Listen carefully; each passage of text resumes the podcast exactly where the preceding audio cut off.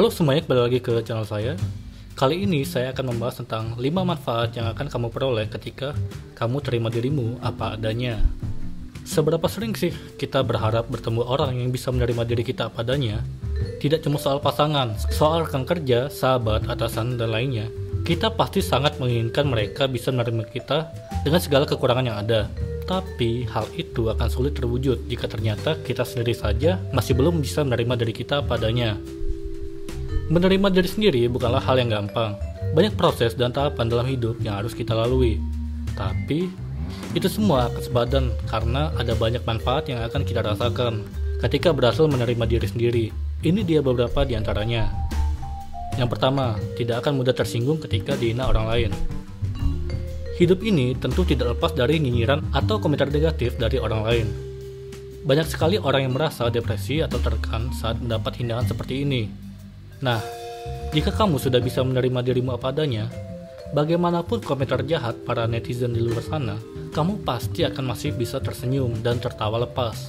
Karena bagimu, itu tidak memberikan pengaruh apa-apa. Kedua, bisa mulai belajar cara mengatasi kekurangan diri. Menerima diri sendiri juga akan membuat kita tahu kekurangan dan kelebihan kita. Mengetahui kekurangan tentu akan membuat kita bisa mulai belajar cara mengatasinya dari awal. Misal, buat kamu yang tahu bahwa dirimu pelupa, kamu bisa meminimalisirnya dengan menyiapkan agenda sehari-hari atau menginstal aplikasi pengingat di gadgetmu.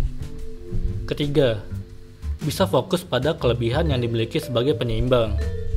Setiap orang pasti punya kekurangan dan kelebihan, saat mampu menerima diri apa adanya, kelebihan yang kamu miliki pasti juga bisa kamu deteksi, sehingga kamu bisa lebih fokus untuk mengasah kelebihan tersebut agar bisa menutupi kekurangan yang ada pada dirimu.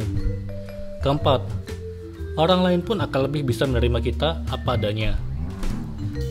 Saat kita bisa menjadi diri sendiri, mencintai diri sendiri, dan menerima kita dengan segala kekurangan dan kelebihan yang kita miliki, kita pasti akan memancarkan aura positif yang membuat banyak orang di sekitar kita merasa nyaman. Rasa nyaman inilah yang akan membuat orang-orang jadi lebih bisa menerima kita apa adanya. Kelima, menjadi cara motivasi untuk selalu memperbaiki diri. Menerima diri sendiri bukan berarti kemudian kita diam di tempat dan tidak melakukan apa-apa. Justru, kita akan menjadi lebih aware terhadap kekurangan yang kita miliki, sehingga bisa meminimalisirnya.